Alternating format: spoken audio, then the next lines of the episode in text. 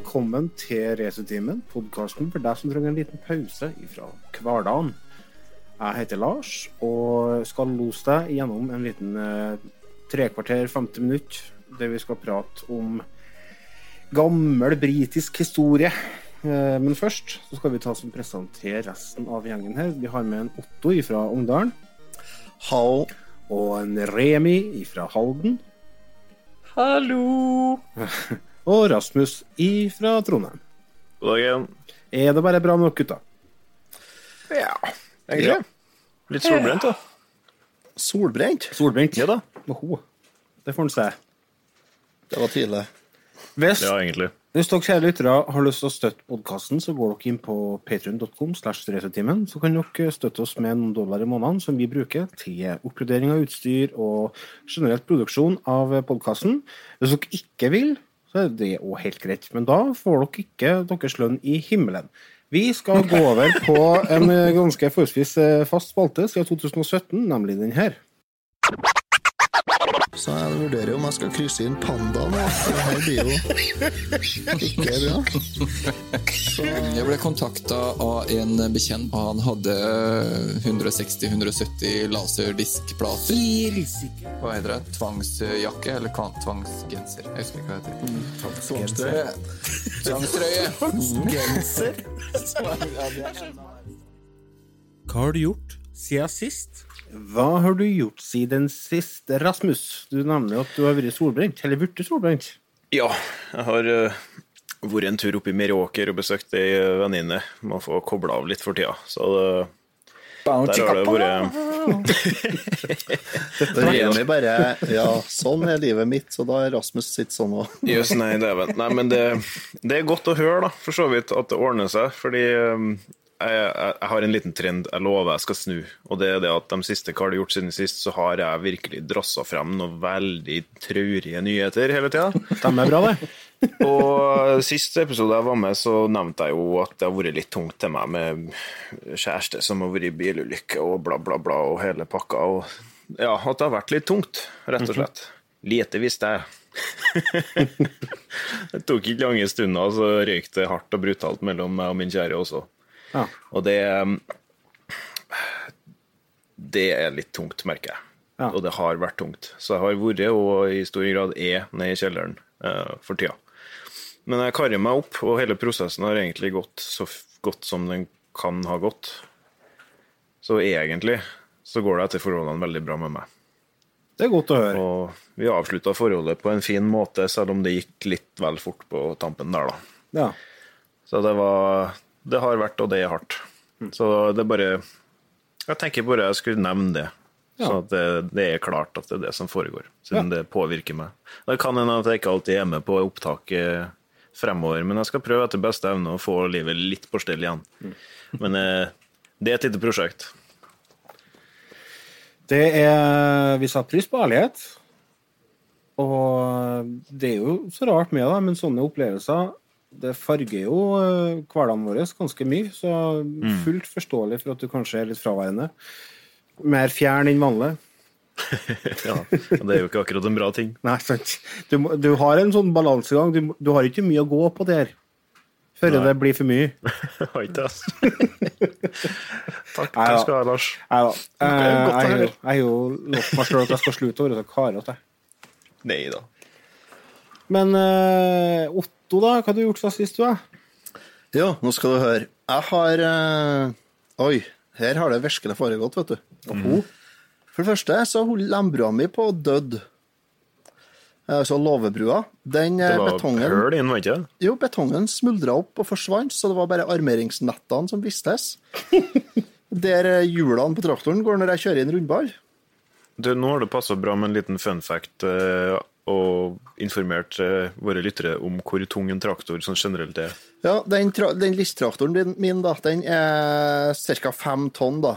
Ja. Og så kan du legge til en rundball eh, på et tonn som henger to meter framom framakslingen, sånn at du får liksom Du får med vekta fra bakenden over framakslingen òg. De hvite kueggene veier de et tonn? Sånn at uh, du har jo fire tonn trøkk da, på framhjulene da, når du kjører oppover Lembrua. Der, da. Og det er dumt når det bare er armeringsjern uh, igjen der. Ser den. Ja. Ja. Så det vi gjorde på fredagen, så jeg og en eh, kompis av meg, hei Torstein, han har gravemaskin. Og han er en liten uh, ingeniør oppe i toppen, han, sjø. Ja. Han er flink til alt, en Torstein. Så vi eh, kjørte borti ei sånn fylling som jeg har, der det ligger en del eh, sånn skuttestein. Store steinblokker. Henta til noen lass med steinblokker med gravemaskiner og traktor og henger. Mhm. Kjørte hjem. Kappa ned lembrua, det som var igjen, den nederst biten. Bygde opp ny lembrufot av uh, skuttestein, altså sånn natursteinsmur. ja. Og så var jeg henta tak i en del blokker av utsaga fjøsgulv. Altså firkantige betongblokker, som plater, som vi brukte til å mure med òg. Og så har vi mura opp en ny låvebrufot og fylt opp med sand og ordna. Så jeg har fått ny låvebru. ja. Vi gjorde oss ferdig i dag. I tillegg så fikk jeg en annen kompis av meg som heter Jo Eskil, til å komme innom i dag for å se på en rundbarkutter som jeg har hatt stående. Som ikke har fungert på to år. Og så kikka vi på den, og så fikk vi jaggu meg reparert den òg. ja. Rundballkutter. Ja. Hva gjør den sånn foruten å kutte rundballer? eh, den kutter, rundballen, eh, kutter opp rundballen, sånn at eh, det blir løst og fint gress som detter ned i fjøset, i stedet for en hel rundball. Stein Å, ja. pakka. Skjønner jeg. Fordi at på fredagen når vi holdt på med låvebrua, så røk toppakninga på minilasteren min. Og først én ting går til helvete, så går alt til helvete. Ja, så jeg må fôre med enten med trillbår eller noe som heter for julegrabb nå. Jaha. Det vil si at jeg må trille på et tonn drygt, ett tonn med gras to ganger om dag. Mm. Så det har skjedd. Og så i tillegg da, så har jeg hyra på min kjære lille fru til å saume i hop noe klær til meg. Jeg har en tendens til å få kjeledressene mine revne i skrevet. Jaha. Kjeledresser og stillongser og boksershorts. Alt revner akkurat punni boggen, kan du si. Bruker for små klær. Ja, eller for grop task, kanskje. Vet, vet du hva det kalles? Nei. Chub rub kalles det. Chub rub. Ja. Hvorfor da? Hva Fordi, at, det? fordi at man eh, bruker klær som er for små.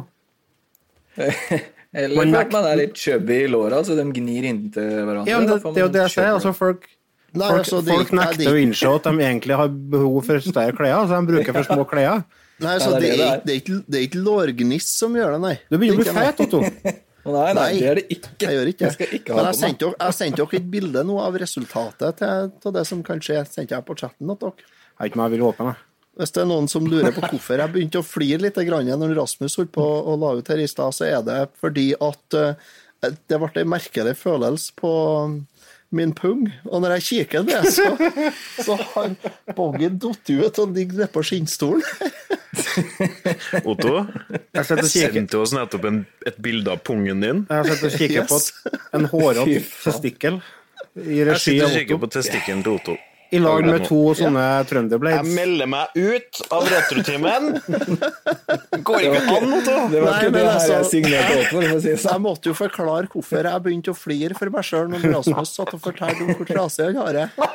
Og det var jo fordi at det ene boggydekket hadde gått ut og lå nedpå stolen der, og det kjentes så rart ut. Så tenkte jeg hvor, hva som måtte jeg kikke det, og så der lå han. Du Sitter her og forteller om kjærlighetssorg mens Det du flirer av din egen ball. Ja, det var et elg som hadde rulla ut av reiret her. Det er jo ikke helt bra Vet du hva, Otto?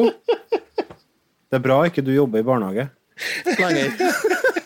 Det har faen meg blitt et problem, det, vet du. Ja, Da hadde du havna i fengsel, du.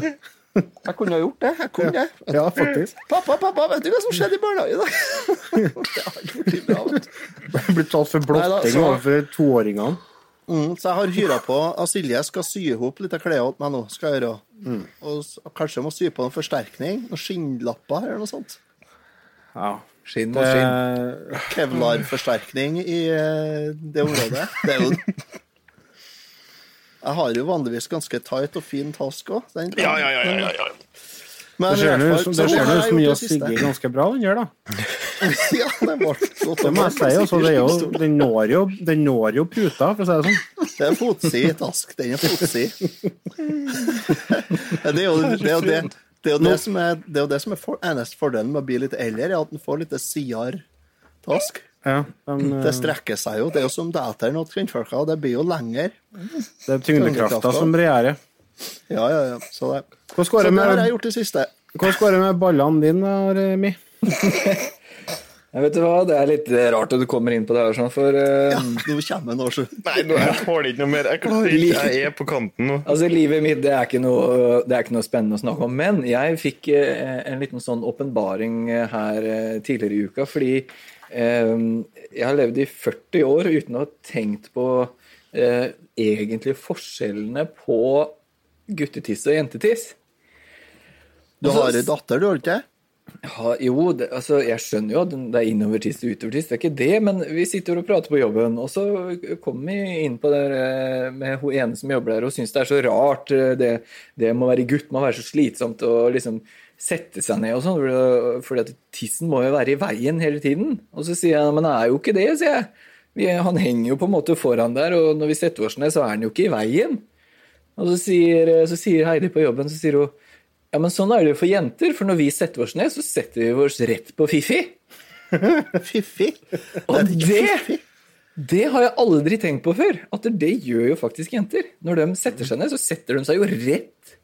Så sier det, ja, så Hvis du setter deg på en, kanskje en litt stiss, eh, en spiss stein, eller noe sånt, da, så kan du få den rett opp i Fifi, og så stikker den deg i, i Fifi, liksom. Og det, det kan du jo da tydeligvis. Så jeg har fått en nyvunnen respekt for alle jenter med fiffier der ute som skal sette seg ned på, på stein. Det er jo derfor, Slutt å kalle det fiffi, Det er ikke lov å si det.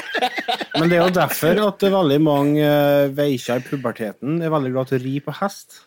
Ja, det Ja, og det er så rart du sa, for det, at det temaet der kommer jo selvfølgelig opp i, i den diskusjonen her med en gang. Så, ja, Sykling òg sånn det. tror jeg er det samme. Tror jeg. Så nei, det var, eh, det var min observasjon i uken som har gått. Ja. Ja.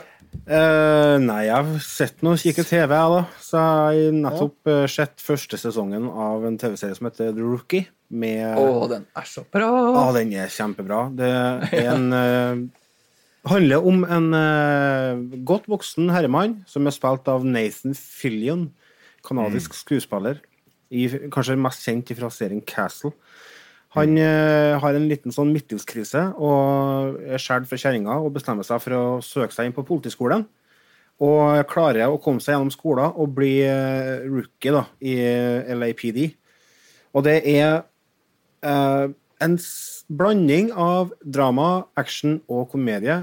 Og det er altså helt fantastisk. Altså, det er, jeg sitter i lim til TV-en og er klar for sesong to. Eh, anbefaler den på det sterkeste. Jeg skrev en liten anbefaling på den til Patrions forrige uke, men eh, den her går ut til alle dere som uh, sitter hjemme eh, nå og kanskje er på leit etter noe å se på TV-en. Den ligger ute på TV2. Det var akkurat det det jeg gjorde. Jeg lette etter noe nytt å se på. Mm. Så skrev du den anmeldelsen og anbefalte meg det. Vi skrev litt fram og tilbake, og så ble jeg hekta. Ja, ja, den er kjempebra. Den har eh, på en liten anmeldelse fra filmfront.no. Der har den fått terningkast fem. Så det er, det er kvalitet. Og den er veldig populær. Og så forhåpentligvis så får vi noen sesonger med dette. Det er sesong to som foregår enda, så jeg vet ikke om det blir en sesong tre, men jeg håper det. Jeg tror det. Jeg leste litt eh, på nettet, og eh, de har gjort det veldig autentisk. De eh, tinga de rykker ut på sånne ting, er, og måten politiet snakker og alt mulig sånt nå, er veldig autentisk i forhold til virkeligheten, da. Så det er litt kult. Ja, det er kult. Ja, den er kjempebra. Absolutt. Den, sesong én er en M i boka mi, så anbefales. Det har jeg gjort. Og så har jeg sett uh, sesongfinalen av Modern Family. Seriefinalen. Å, var det trist? Ja, vet du, jeg satt og grein. Jeg ble lei meg. Fordi Ja, at eh, Er, sånn er det alltid. Ja, jeg, den serien har fulgt meg og Tanja gjennom hele forholdet vårt. Ja. Faktisk. Mange sesonger var det nå? Ni? Ja, ni eller ti, ja. Ja. Ja, så det, den har vært med lenge. Men uh, det var en Det var en fin serie. Men nok om det. Ikke å snakke mer om det. Vi bestemte oss, kjære lyttere, for å prøve oss å være litt mer tight i forhold til tidsbruk. Og vi bestemte oss for at vi skulle ha ti minutter på denne spalten her, og nå er vi opp på 15, så det går kjempebra. Ja. Jeg lurer på om vi skal bare ta og så hive oss over på noe spill. Eh, skal vi se om vi kanskje har en jingle på det?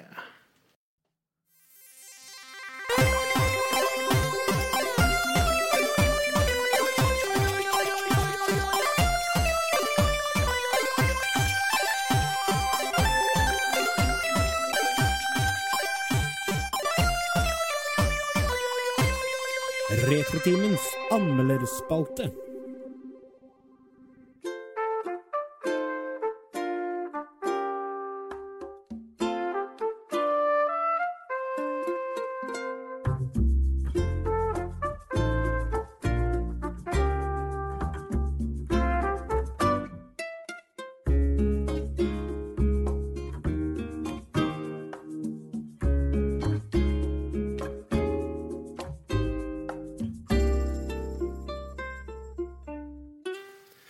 Det var en liten snutt i, fra spillet Animal Crossing New Horizons til Nintendo Switch. Et spill som kom ut i 2020, altså i år. Eh, Det ble annonsert i, på Nintendo Direct i 2018, og litt gameplay ble vist på E3 i fjor. Og det kom ut 20. mars i år. Og jeg har klokka rundt 30-35 timer i dette spillet, og har fått gjort meg opp ei lita mening da, som jeg ønsker å dele med dere, kjære lyttere. Denne her er en såkalt eh, livssimulator. Altså, for det, denne er jo en gammel spillserie. Animal Crossing har jo eksistert uh, lenge, lenge. Um, og jeg har liksom aldri helt skjønt hva i all verden er den spillet den. Hva, hva er det som er så fascinerende med det spillet der? Og så testa jeg Det kom et uh, Animal Crossing på mobil ja, i fjor eller året før. eller et eller annet. Og liksom bare for å få litt inntrykk av det, da. Og bare Nei, dette her er jo ingenting for meg. Det var liksom masse sånn søte dyr, og jeg bare avslo det som et eh, Ja, ikke for å være sexistisk og sånn, men et jentespill, da. eh, For uh, veikja og ti. Så Mens så, så ble jeg litt sånn bitt av den hypen som uh, oppsto i forkant av lanseringa av New Horizons. Og så tenkte jeg jeg må, jeg må gi en ny sjanse. Jeg må gjøre det. For altså, jeg har lært av uh, det at å gi spill en ny sjanse. Altså Minecraft. Jeg ser bare. Prøv det på nytt igjen etter mange forsøk, og det klikka plutselig. Og det har en spillet igjen gjort. Uh, kort forklart så er det eh, Du flytter inn på ei øde øy. Ikke øde, da. Det er en par-tre dyr der fra før av. Du, på en skala fra 1 til 10, hvor hekta er du? På Animal Crossing. Mm. Eh, per nå sju, kanskje? Ja. Ja. Da har du sluppet ganske billig unna, etter det jeg har forstått. ja. Det er veldig vanedannende. For det, altså det som er på en måte Det du skal gjøre, er at du skal bare bygge opp øya di. Invitere eh, nye innbyggere og selge og kjøpe varer, fisk og uh, Høg tre og samle frukt, så blomster, jakt insekt Altså masse sånn ting som egentlig høres helt utrolig, utrolig kjedelig ut. Men det er noe med måten det er gjort på, som gjør at det er veldig sånn Alt er tilfredsstillende. Ja, det er veldig soothing. Eh, Veldig ro, det er et rolig tempo i spillet. Og det er et veldig sånn fint sånn avslapningsspill. Jeg fikk litt sånn eh, Hva heter det derre bondespillet vi drev og spilte? På Switch. Uh, Stardew Valley. Ja. Jeg får litt sånn feeling av det, for det er liksom det er høsting av eh, varer og sånn. da, så eh, Så går det på real time clock også. Det gjør det, vet du. Så det tilpasser seg etter sesongene. Og så er det vinter i verden, så er det vinter i spillet. Eh, og det er Må du spille et helt år da, for å få med alle sesongene? Ja, det må du. Å, herregud. Men det, som, ja, men det er det som er greia, vet du. Henne er på en måte ikke et uh, Du anser ikke altså, strevsomt, for det er liksom bare kos. Uh, og så skjer det nye ting hele tida. Det kan være at det kommer nye varer i butikken, det kan være at eh, du treffer på nye folk, det kan være at det er events. Sånn som nå i påska så var det sånn eh, jakt på påskeegg. Og når du har samla så og så mange egg, så får du bytta inn det til nye oppskrifter i butikken. Da, for det, det kan du kjøpe der. da, Du kjøper sånne oppskrifter som gjør at du kan finne ut hvordan du skal bygge et stereoanlegg, f.eks., eller bygge en switch, eller ja, For å dekorere huset ditt, da. Og så, ja, for det, altså, det høres jo helt forferdelig ut. Jeg skjønner jo det. Eh, og jeg vet ikke hvordan jeg skal få til å forklare egentlig hvor fantastisk spillet er. Nei, det- det, det ikke er noe med det der at det, det, er, det høres jo på papiret ut som det er dørgende kjedelig. Ja, det er Men det. eh, det her er Nintendo som har på en måte gått, gått inn hardt og brutalt for å gjøre hverdagslige ting til en sånn særdeles givende sånn spillmekanikk. eh, Mm. Ja, det, det gir på en måte veldig Veldig tilfredsstillende effekt. At folk blir jo råhekta på det. De spiller det jo i årevis. Ja, det er helt rart. Eh, og så kan du få besøke andre folk sine øyer, og du kan f.eks. ta med deg frukt fra de egen og selge på en annen. Kanskje dem, den øya ikke har epler originalt, så selger du eplene dine der, så får du mer penger for dem. Og, ja, det, ja, det, er bare veldig rart, rart spill. Men kan du, kan du liksom agere med andre folk? Altså, kan du snakke med dem eller chatte eller noe sånt med, med fremmedfolk, eller er det bare Det er en chat-funksjon i spillet.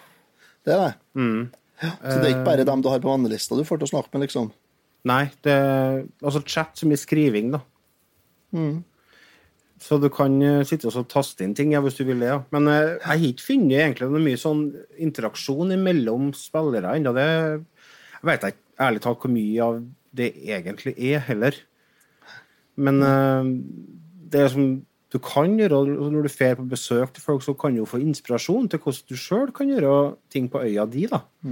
For du, du får veldig frihet da, til å gjøre omtrent det du vil, for det, både i form av eh, ting som du kan sette opp og bygge, og likeens så kan du etter hvert få form øya di som du vil òg. Så du får sånn terraforming eh, terraforming-greie. Altså så, så du kan bygge eh, Grav nye elver og bygge nye bakker og ja. Stilig. Så det er et veldig fint spill. Det er veldig vakkert og søtt. Det er type eh, rolig, avslappende musikk. Den musikken dere hørte, var jo på en måte åpningsmelodien, eller hovedtemaet til spillet. Og det, det er sånn musak, da. Altså det, det er bakgrunnslyd. Og kontrollen er fin og god, selvfølgelig. Og menysystem og uh, design er top notch. Det er veldig, veldig lite å dra ned på i spillet her. Uh, jeg kan ikke komme på noe trekk for, egentlig. Det er kanskje det at jeg savner litt mer muligheten til å Jo, nå kom jeg på en ting som er verdt å trekke for. Det at du kun kan ha ei øy per switch. Ah. Det er litt dumt, fordi at eh, det vil si at du er nødt til å dele øya di med eh, Hvis eh, kjerringa di skal spille på sin bruker, så får ikke hun kjøre sin egen greie. Da må hun Nei. bli en innbygger på de øy. Ja, Og det syns jeg er litt dårlig når du betaler flere hundre for et spill, at du kan spille mer enn én person. Ja, to save-filer, liksom. Mm. Det er jo ikke så vanskelig. Nei. Går Men ikke det- hvis du har en egen Hvis hun har sin egen Tanja-bruker, liksom? Nei, det går ikke. Du får bare flytte inn på den første øya som ble laga. Det var jo kjedelig. Det var tante. Og så er det litt sånn begrensa med Altså, det er jo en lokal eh, toplayer-modus, men den er veldig, veldig begrensa. Du får kun til å være i samme vinduet hele tida. Altså, det er ikke split screen. Ok. Ah. Så det er liksom hoved... Eller førsteplayeren da, som bestemmer alt. Eh, hvis mm. playeren går til høyre, og andre spilleren står og så kommer han bare bort, og så blir han automatisk flytta inn i vinduet igjen. Men de tingene du kan gjøre sammen da, i det vinduet, er det givende ting å ta seg til? Nei, det er, noe, også, det er veldig begrensa, det òg. fordi at det eneste egentlig den toplayeren kan gjøre, er å hjelpe til å sanke inn ting. da. Ja. Så Som for så vidt er bedre enn ingenting, men Jo, ja, det er sant, det, for det, det går jo litt på Det er jo en del sanking. ja. Og så er det vel egentlig ikke Det å spille spillet her er vel kanskje ikke det som er mest givende. Så hvis du sitter sammen med noen, så har du jo på en måte Det er jo avgjørelsene og hva man skal gjøre med øya, som kan være givende å ta i lag, da. Ja. Og så er det et nytt element som er blitt introdusert i uh, dette spillet her, i forhold til de andre Animal Crossing-spillene, og det er at det blir sånn nepesalg. Hver søndag mellom 8 og 12 så kommer det en nepeselger. Og den eh, prisen på den nepa varierer hver, eh, hver dag. To ganger hver dag varierer den. Så du får kjøpe på søndagen. Si at en nepe koster kanskje 50-60 bells, derfor det er bells som er krona, altså myntenheten i spillet. Si at det koster 60 bells da på søndag når du kjøper, og så kan du gå inn i butikken dagen etterpå så kan du spørre hva er prisen for nepa i dag. Kanskje det er 90, kanskje det er 400, eller whatever. Så det er litt sånn spekulering i nepa. Det, det har ikke jeg vært borti før. Men sånn som i dag så handla jeg nepa for eh, hva var 30 35 000, og så fikk jeg solgt det allerede i kveld til 280 000. Så det var ganske god, eh, god fortjeneste. Og ja. Bla, bla, bla. bla. Det er i hvert fall en fin M i karakterboka mi, og et spill jeg anbefaler hvis du vil ha et spill som er litt sånn rolig, avslappende og eh, veldig vanedannende. Ja. Med mindre du bor i Kina, da får du ikke kjøpt det lenger. Og Nei. Kina har uh, Ja, stemmer det. Trukket inn alle det, det er forbudt der nå. Får ikke kjøpt det verken fysisk eller digitalt i Kina, pga. at en del som har brukt det for å protestere mot han, eh, han presidenten, statsministeren, hva han heter for noe, Xi Mm. Jinping. Tom Peng Pong, mener du? Ja, noe sånt noe. Ja. Han, eh, og, og mot WHO, faktisk, har de protestert òg. Var han det? Ja, så det er, der er det no more eh, Mr. Animal Crossing for tida. Det stemmer, det så jeg faktisk. Jinping heter han. Jinping, ja. Mm. ja. I hvert fall. Så, men det, vi bor jo ikke i Kina. Så Nei, vi er ikke. Kanskje vi skal Så- protestere mot Erna? Høres det interessant ut, så kan du ha en tur på Elkjøp og handle, eventuelt uh, kjøpe på Komplett eller på Nintendos egen nettsjappe. Eh, Remi og Rasmus, dere har spilt en annen tittel som dere eh, skulle fortelle litt om og prate litt om i dag. Det har vi. Vi har uh, spilt et spill som er uh, utgitt og utviklet av Nintendo. eh, og vi har snakka om det litt i noen tidligere episoder òg. Luigi's Mansion 3. Eh, et av de mer fargesprakende spilla jeg har spilt noen gang til Nintendo Switch. Det er ja. utrolig fint spill. Ja, det er helt nydelig. Jeg skjønner ikke hvordan de får det til heller. Altså, eller jo, jeg forstår det på en måte, siden det her er et ganske tett og intimt spill. Der mm. kamerafokuset er ganske nære Luigi, og mm. spillet er ikke veldig sånn at du springer fort gjennom et område. Du har tida til å gå sakte gjennom og observere og kikke på detaljer og finne hemmeligheter sånn, så de, de har virkelig satt seg ned og jobba med detaljene i det spillet her, og det, det synes, altså. Det her er, jeg, jeg, skjønner, jeg skjønner nesten ikke hvordan det går an å lage et så pent spill på Switch, altså. Nei, og Det slo meg veldig når vi starta spillet, fordi eh, hele Mushroom Kingdom-familien holdt jeg på å si, ble jo invitert til, eh, til en, en ferie. Eh, fra en hemmelig beundrer, holdt jeg på å si. Og da er det jo sånn som alle, da, og som hør og bør, bare drar jo av gårde uten å sette noen spørsmålstegn ved det, og reiser av gårde til et eh, fantastisk hotell. Ja, de lærer jo ikke. De lærer jo ikke, nei.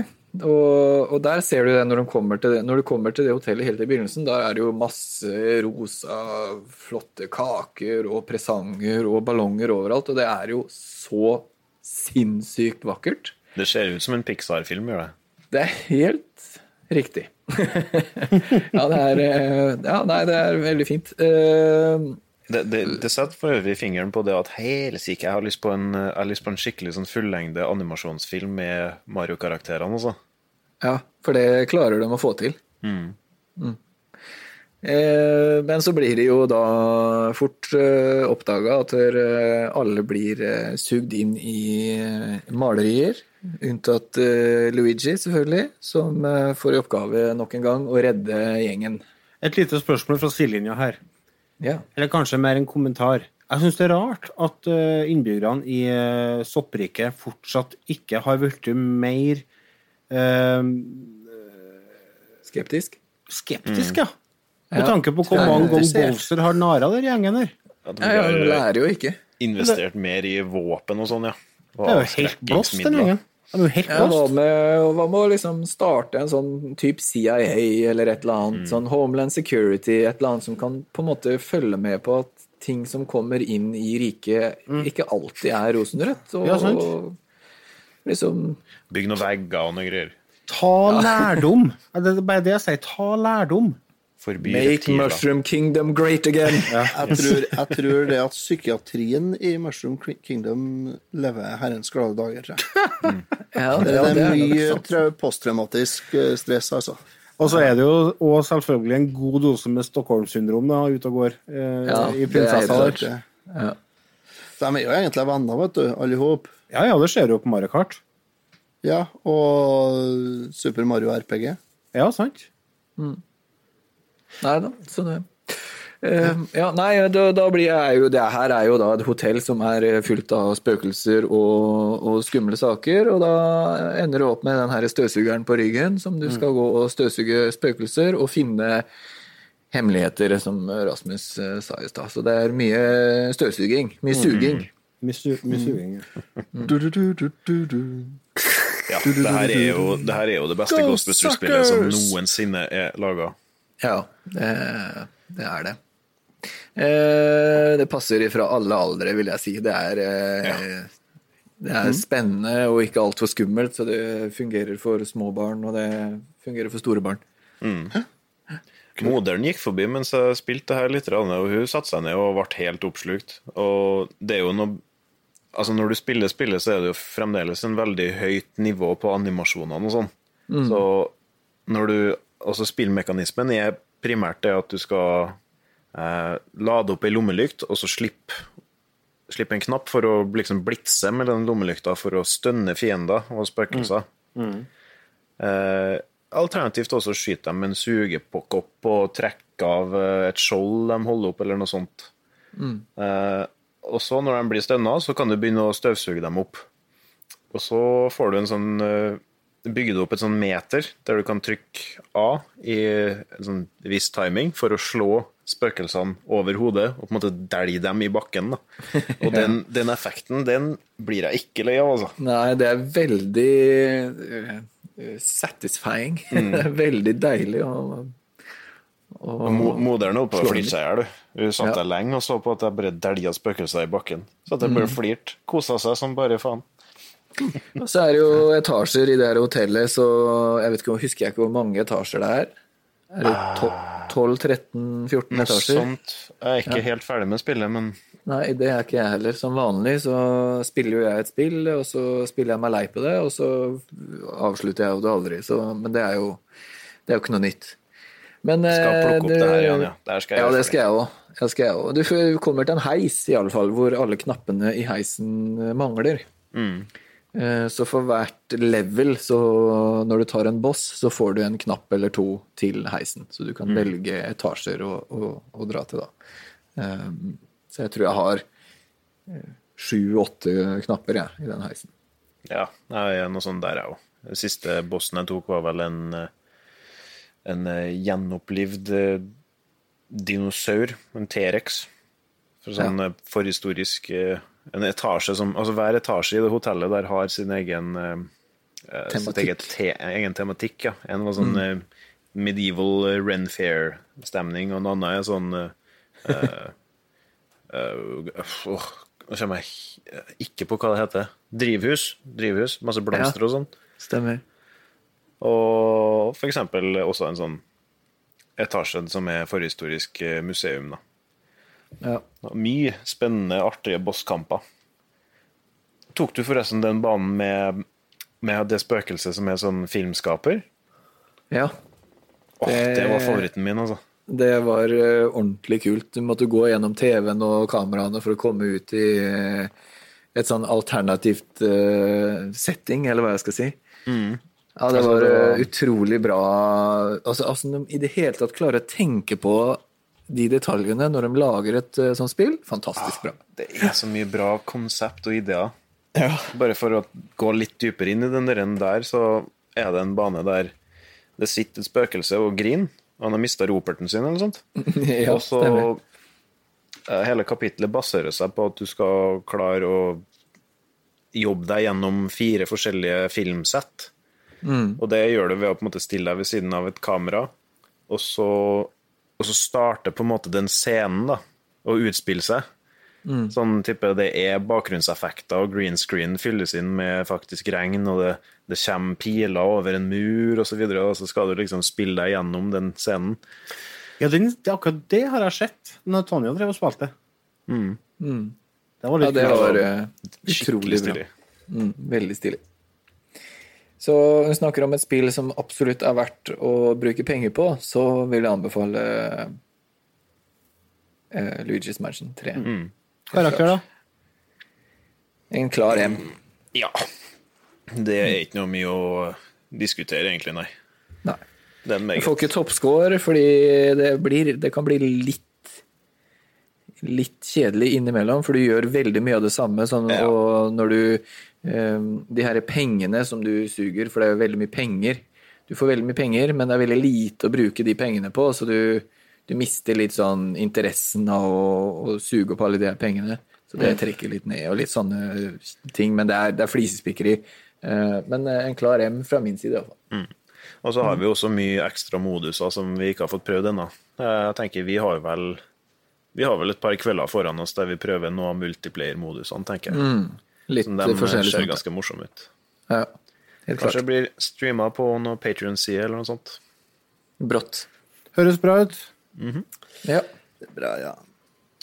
Da skal vi ta en uh, liten, liten pause, og så er vi straks tilbake med litt eh, filmprat.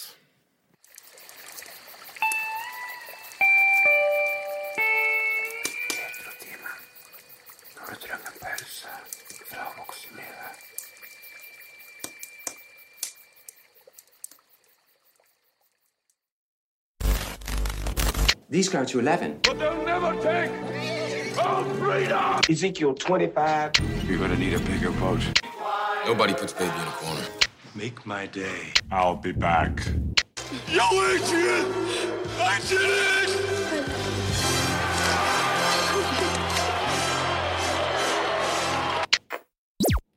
And now for something completely different.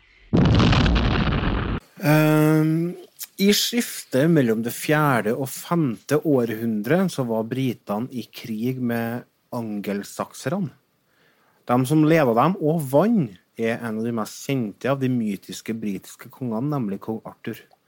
Nesten 1500 år etterpå så ble han inspirasjonen for en gjeng med tullinger fra England, nærmere bestemt Michael Palin, Terry Jones, Eric Idle, John Cleese, Graham Chapman og Terry Gilliam. Vi snakker om filmen som ble sponsa av Led Zeppelin, Pink Floyd og Genesis, nemlig eh, Monty Python og The Holy Grail, eller Ridderne av det runde bord.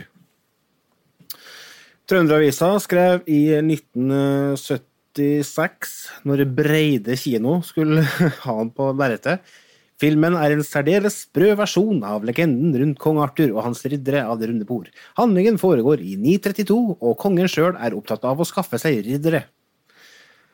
Og det er jo på en måte starten av Skulle er litt mer eh, opptatt av å skaffe seg hest, tror jeg. Ja. Her er jo en film som er eh, Altså, det, er jo, det er jo ikke en kultfilm. Her er jo eh, rett og slett bare en fantastisk klassiker. ja. Klassiker.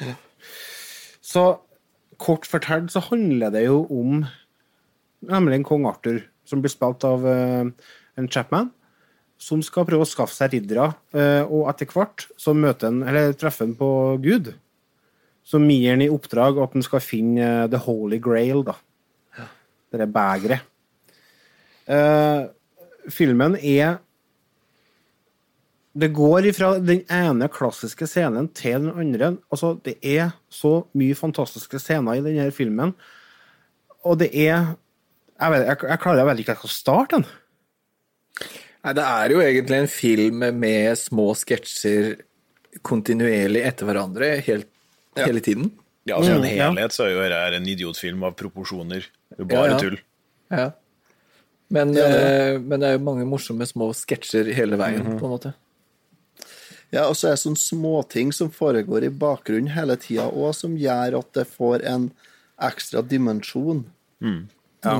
Sånn som dere, eh, dere der når de når eh, dere heksescenen. Ja. Så, så ser du det at eh, de skuespillerne de holder på å flire seg i hjel. ja. Han hjernen må jo bite i ljåen for, for å klare å kvele en, en latter, og, og så er det en som må snu seg, og, og du ser de står og rister, vet du. Og det jo, og det er jo akkurat det samme som i det er den klassiske Parrot-sketsjen til Python. Der har jo han eh, Hva heter han rødhåra? Terry, Gilliam. Terry Gilliam. Han, han holder jo på å flire seg i hjel Ja. på scenen òg, og det gjør de her òg. Det gjør det så ekstra mye bedre, det. Når du ser at skuespillerne ler seg i hjel, da klarer ikke jeg å la være å le heller. Nei, det er herlig. Nei. Det er litt som, litt som dere Husline is it anyway. Ja, litt sånn, ja. Mm. Og det elsker jeg, det er morsomt Mm. Det er Ja, så, bare for å illustrere galskapen i filmen her altså Du snakker om den heksescenen. Eh, Det er jo masse folk som har samla seg og krever at ei dame skal brennes på bålet, for hun er heks. Ja. Eh, dama det er snakk om, det er jo for så vidt uh, kjerringa til en John Cleese. Mm. Ifra, og som òg er med i uh, Hotell Særklasse. Fawlty Towers, ja. Eh, men det er i hvert fall de har kledd opp hun som heks, da. Og hadde på løsnossi og hele pakka for å få henne til å se, ut som en heks. Og og så til er og det med en- i konteksten av scenen så har på en måte landsbyboerne kledd deg opp som ei heks, bare for å selge inn det at det her er ei heks. De Ja, innrømmer det det til og det jeg med. Mente. Det er ment. Men i hvert fall, de går til en ridder og så krever vi vil brenne denne kjerringa her. Og da er liksom OK, eh, hvordan skal vi bestemme at dette er ei heks? Ok, Hvorfor brenner vi hekser? Jo, fordi at de er lagd av tre? Nei. Eh, eller jo, de var laga av tre. Ja. Ok, Hva skal vi finne ut om heksa er laga av tre? Jo, hva annet som hva, hva skjer når vi kaster treet på vannet? Jo, det flyter. Hva annet er det som flyter? Ei and. Ender. Ender, ja. Så Det en veldig liten stein. ja, så hvis, hvis dama veier like mye som ei and, så er hun ei heks.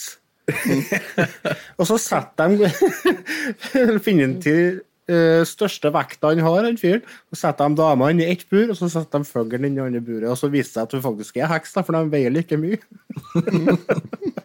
jeg bare satt jeg har jo- sett den filmen så mange ganger, men jeg har aldri tenkt over egentlig hvor sinnssykt resonnement akkurat det der er. Ja, det er, Helt det Det er så bra, det er så bra den, når de er ferdige, og de er Ja, du er heks, da brenner vi av. Så sitter hun der bare «Eh, Seems fair. Ja. Og bare resignert. Ja, ja, det, Ja, ja, okay. det, det ble sånn. Uh, Ja. hva er favorittscenen deres i filmen, da? Eh, For min del så tror jeg nok eh, Jeg tror det blir alle de scenene Altså, det er jo to situasjoner i filmen der de kommer til en borg, og så er det franskmenn som har tatt over den borgen. Ja, det er, eh, den kommer på andreplass for meg, men ja, den er bra. Og der sitter John Cleese og improviserer, etter det jeg kan se for meg. Og bare kaller dem masse fæle ting. Og blir sur på dem og mobber dem og bare I fart in your general direction. And your mother's a hamster. And your father smells of elderberries. Ja, herregud. Å, det Vi er har så et bra. eh, opptak av, eh, av den scenen her, i klipp. Hello!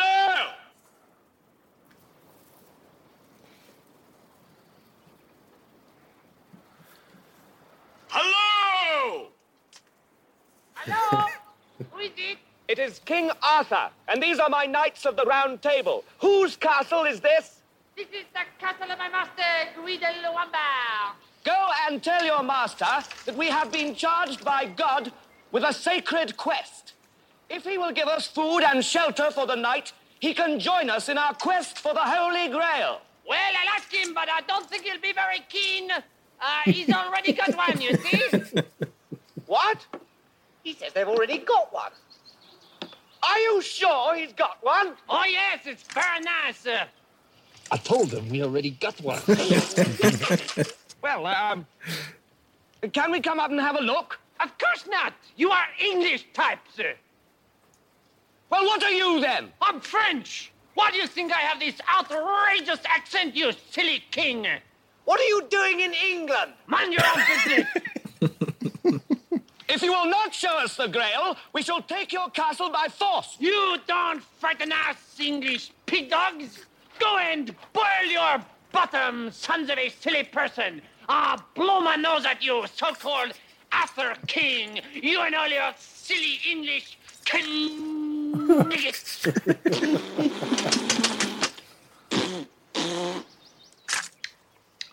What a strange person. Now look here, my good man. I don't want to talk to you no more, you empty-headed animal food trough whopper. I fart in your general direction. Your mother was a hamster, and your father smelt of elderberries. Is there someone else up there we can talk to? no, now go away, or I shall taunt you a second time. Now, this is your last chance. I've been more than reasonable. Fetchy Lavash. Hva? Fetch- Det er, det er fantastisk. Og Hva er det som skjer etterpå der? Der henter de begynner å skjøte matvarer til dem. Nei, Det det er er dyr. først ei ku og en sau, er det, og så kommer det noe gresskar, var det? Jeg husker ikke, men det er noe sånt, ja. Det er faktisk henta fra virkeligheten. Nei. Det, jo, akkurat det er henta fra virkeligheten. Det, er, det var et eh, slag på kjempegamle dager. Der eh, det var en eh, borg som var under beleiring, og de var oppe og gikk tom for mat. Og så fant de at de skulle prøve å så narre eh, dem som prøvde å belære dem. da, med å så bare vise Vi har masse mat, så vi kan være inni her i flere uker til. Vi, så begynte de å bare pælme siste maten de har, over uh, veggene og på fiendene sine. Og det funka faktisk. De trakk seg tilbake. Det Det, er ikke henta fra virkeligheten, her, Larsen, men det er en relativt moderne uh, saga om det slaget. Er det? Nei. Jo. Å, som trodde jeg skulle være artig nå. Ja, ja. Da Men kan han inn på klippegulvet. Men, det- men, det er, men det er en historie som er sånn, ja. Men det er om eh, eh, den franske byen Carcassonne, ja. Ja, stemmer det. Som ble beleira, ja. Men det er bare en uh, historie, ja. Er det. Så, Men den, eh, den scenen der når eh, han franskmann snur seg til kompisene sine og sier Jeg sa til dem jeg, at dere, vi har allerede en. ja. Ja, da, da lo jeg, altså. Det, det, jeg husker jo den scenen så godt, jeg har sett den mange ganger sjøl, men den er tidløs, akkurat den der. ja. Og så Jeg står tror- sånn og håper ler seg i hjel fordi at de har lurt engelskmennene til bare Nei, vi har allerede en hellig gral, hvis vi trenger ikke å være med på det. Det er så fantastisk bra. altså. Jeg en tror en av mine er- favorittscener er, er den eh, med likvogna i byen. Bring out your dead! Ja. Altså han gammelen som ikke er der. I'm not dead. Yes, you are. You're not fooling anyone. I think I'll go for a stroll. Jeg, jeg syns den absolutt morsomste scenen i den filmen her er eh, en scene som varer i toppen to sekunder. Eh, Det er eh, når de kommer til det eh, slottet hvor det er, alt er dans og fest hele tiden. eh, Sånn musikal.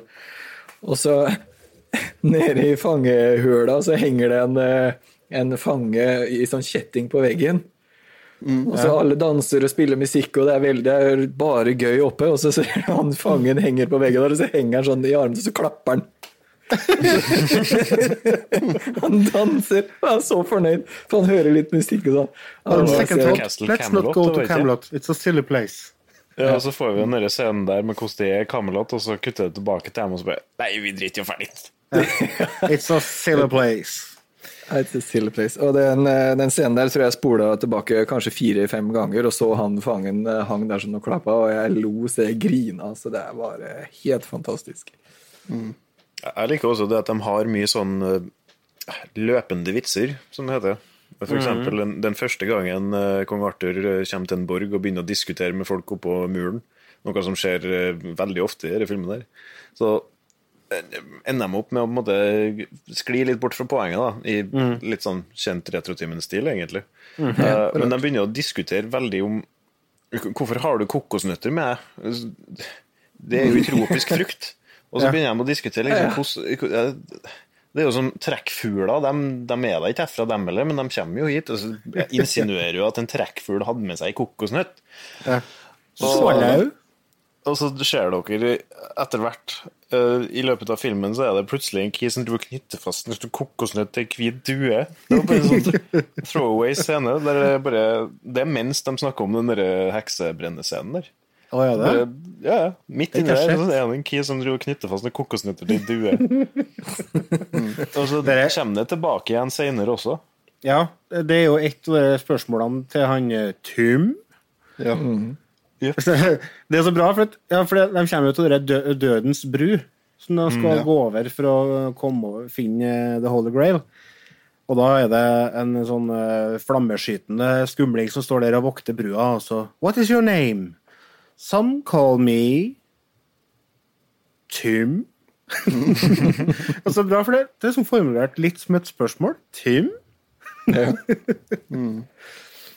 Det er veldig bra. Han, han spør Altså, man må svare på tre spørsmål for å slippe over det brua her. Ja. Og sir Lancelot er førstemann som skal over brua, og han blir spurt hva heter du, som er greit, og hva er det du er på jakt etter, som er gralen, og hva er favorittfargen din? Ja, så får han gå over. Nestemann blir spurt uh, De to første spørsmålene er det samme, og så blir han spurt om hva er hovedstaden i, i Syria, eller noe sånt. Ja, det var kjempevanskelig. Og det, uh, jeg vet ikke, og så bare blir den eksplodert opp i himmelen og ned i Og så kommer nestemann som blir spurt om favorittfargen, og så sier han blå. Nei, vent litt! Ah! Han ombestemte seg. Nei, det var ikke blå likevel. Altså, det er det som er Når kong Arthur blir spurt, så blir han spurt om Å Ja. nei, hva svarer her nå? Jo, Hvor mye luftmotstand en svale hadde i fritt fall, eller et eller annet. Ja, det spørs jo hvilken type svale. Er det en afrikansk svale, eller er det en europeisk svale? Og så sier han derre kissen står og vokter brua. Nei, det vet ikke jeg, altså. Wow! Flyr han i. How do you know so much about swallows? You gotta know these things if you're a king. Ja. Veldig Chap bra Chapman gjør en kjempebra jobb som, eh, som kongen, syns jeg. Ja, det er herlig. Det, det, det er sånn, jeg skulle egentlig ikke forvente at det er så mye eh, Vet dere, vet dere hva, luft, hva hastigheten på en eh, svale uten last er, da? Har du vært på Google nå? Nei, men det står i sånn fun fact om filmen. Ja, okay, det gjør det sikkert, ja. Ja, det er 11 meter i sekundet. Men har de fastslått det er hvor fort to svaler som bærer kokosnøtt på ei grein mellom seg, reiser? Ja, de kan ikke bære kokosnøtt, de har ikke sjans. Jo, jo, jo, jo, jo, jo. Nei. Du må ha De litt trua her, Otto. Hvis En sånn lovesvale, den eh, veier 20 gram. Det er fullstendig umulig at de klarer å få med seg noe last sånn sett. Er. Dårlig svale. Ødelegger det er klart det er dårlige svaler. De burde ha hatt skikkelig svaler. Ja. Men det en- Swallow. Swallow. En ting som jeg tenkte jeg skulle høre etter litt med dere om siden De har jo en tendens til å leke seg litt med format, for å si det veldig mildt. Eh, For eksempel når de skal gå over den dødens bru, så slutter jo filmen bare for å ha 10-15 sekunder med intermission. Det er bare Ja. en pause med litt fjasete musikk. Er Det er ikke vits det, er jo bare for å ødelegge flyten helt. Ja, det, det er jo for å gjøre altså, Det er jo det uventede, det. Det er jo absurd og uventende. Så det er jo mye det som er humoren til Monty Python. da. Absurd humor. Yes, og det det leder meg frem til, var, var den introen. Så de, har jo, de starter jo filmen med end creditsen bare på starten av filmen. Og Ja. der har de en spøk gående med at uh, de har sparka dem som har drevet på med underteksten. Fordi underteksten driver og har en sånn norsk-engelsk tullehistorie gående med noe elg og noe greier. Og at Ja. søstera har blitt bitt av en elg. Det Det møs, ja. Og så, og så begynner den faktiske Jeg har et bilde her. Og så begynner den faktiske uh, Altså animation assistance og så videre. Og så plutselig står det 'Møs trained by'. Det står det. vet du. Og det navnet er Altså, de har trent opp elgen, eller møsen. Ja. Det er han Jutte Hermskervørdenbrøttbørda som står bak. Ja. ja.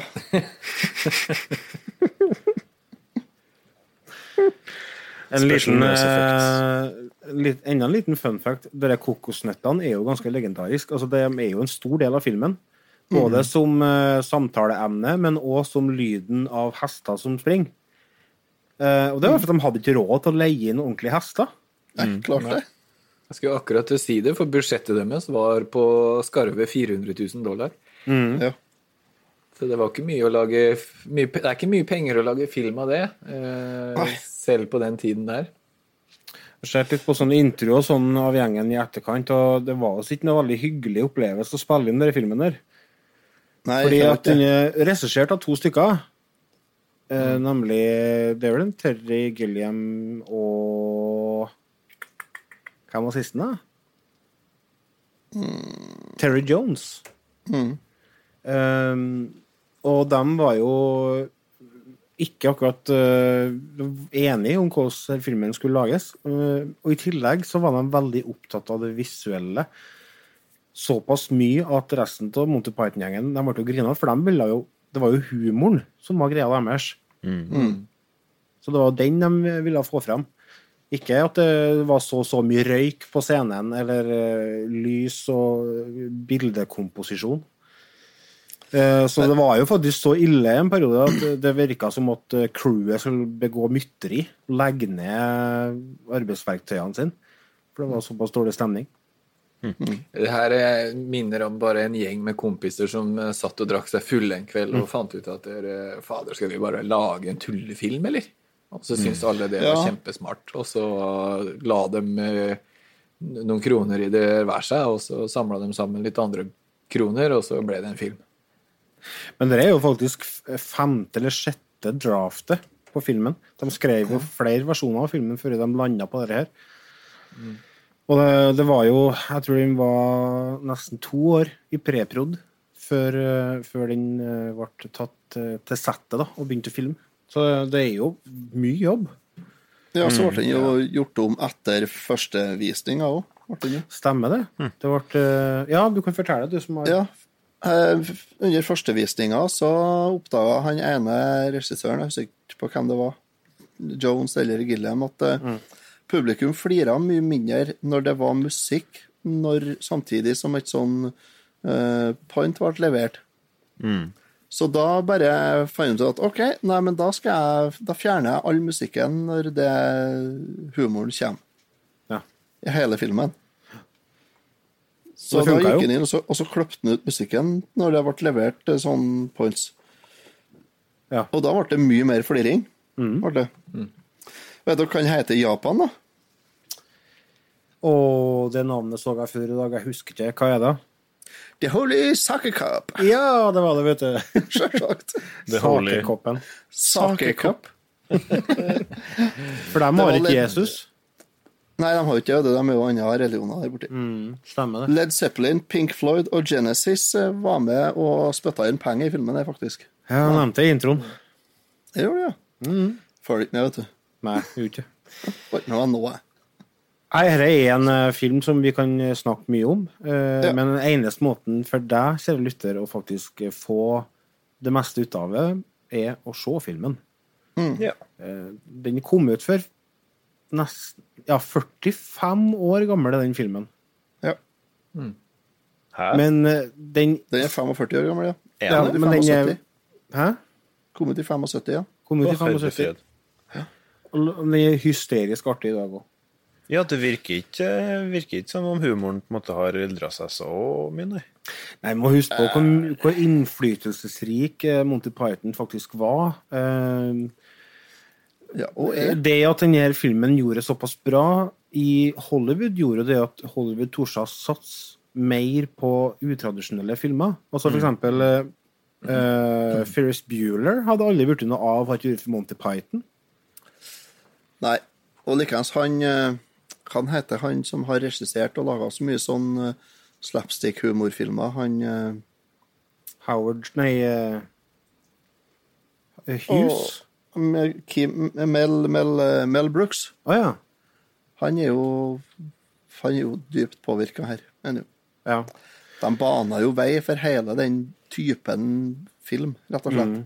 De gjorde det. Steve Så- Martin, Mel Brooks og han mannen med en dødelig pistol Nei, jo, hva han heter Ja, han heter for eh, Ja. Nei, ikke Gylne lem du tenker på, du. Nei, nei, nei. Eh, Den dødelige våpen 33 og en tredel. Ja, det er Gylne lem, det. Nei, det er Isfund... Nei, det er Du blander. Ja, jeg vet hva du mener. Ja. Han heter for uh, Mannen med nakne pistol, mener jeg. Nilsen heter han. Leslie Nilsen. Ja. Stemmer. Nei da. Så vi har mye å takke uh, denne filmen for, og ikke minst Monty Python uh, generelt. Vi saluterer dere. Mm. Skal vi dra fram eh, karakterboka? Ja. Otto? Du, det her er en eh, Det er en meget eh, Det er en Jo, det er en meget, ja. Er det. Mm. Ja. Rasmus, da? Uh, jeg syns det er litt vanskelig, siden den humoren der, den er litt hit or miss for min del. Det er mye av det som lander, og det er også ganske mye som ikke lander så godt. Eh, så jeg syns på en måte, i de situasjonene der det ikke treffer, så får jeg veldig inntrykk av at ah, herre gjengen her, de driver bare og kødder her. Blir- Det blir, litt, det blir litt tungt til meg når det er bare sånn ah, Nei. ja. Det er enten er det artig her, så er det platt. Ja, og det er det er en stor dose med sketsjer i den filmen her som ikke funker så godt for meg. Men det som redder det, er at stor sjanse for at den neste scenen og neste sketsjen på en måte kommer til å være artig. da. Så det var en film som var helt grei for meg å se. Så jeg hadde ikke noe problem med å se den. Men samtidig så er det sånn Hvor mye har den filmen her å tjene på at det er en film? Og er det kanskje like greit å bare søke opp noen av de beste scenene på YouTube? Og det er kanskje litt å hente på at det er en hel film, men som jeg sier, historien i sin helhet er jo bare tull. Den slutter jo bare med at politiet kommer og avbryter et slag, og det viser seg jo at det er jo bare tull. Det er jo bare noen folk som har dratt rundt i moderne verden og drept en historieprofessor på veien, så, og så slutter bare filmen. Så det er en usedvanlig lite tilfredsstillende måte å slutte den på. Uh, men det var jo artig på veien. Så mm, jeg vet ikke. Det, men når, når jeg hører det at den ble laga i 75, så er det jo litt vanskelig å holde noe som helst imot den, føler jeg. da. Siden humoren står seg jævlig godt den dag i dag. Og jeg flirte godt. Jeg flirte Mm. veldig godt, faktisk. Av mye. Så jeg gir den en eh, G pluss, altså. Remi, da? Jeg er eh, egentlig veldig enig i det Rasmus sier, mye av det Rasmus sier. Eh, britisk humor er ikke Det lander ikke alltid like godt hos meg, altså. Eh, og det samme med den filmen her. Og jeg har en følelse at veldig mye av humoren de prøver seg på, enten så syns jeg bare ikke det er morsomt, eller så skjønner jeg det ikke, og det er en av de to der. Eh, så jeg lo en del. Det var mye jeg syntes var veldig morsomt. Noe som fikk en eh, liten ha, og så noe var bare helt fjernt. Men eh, så for meg så ble det Det blir en G.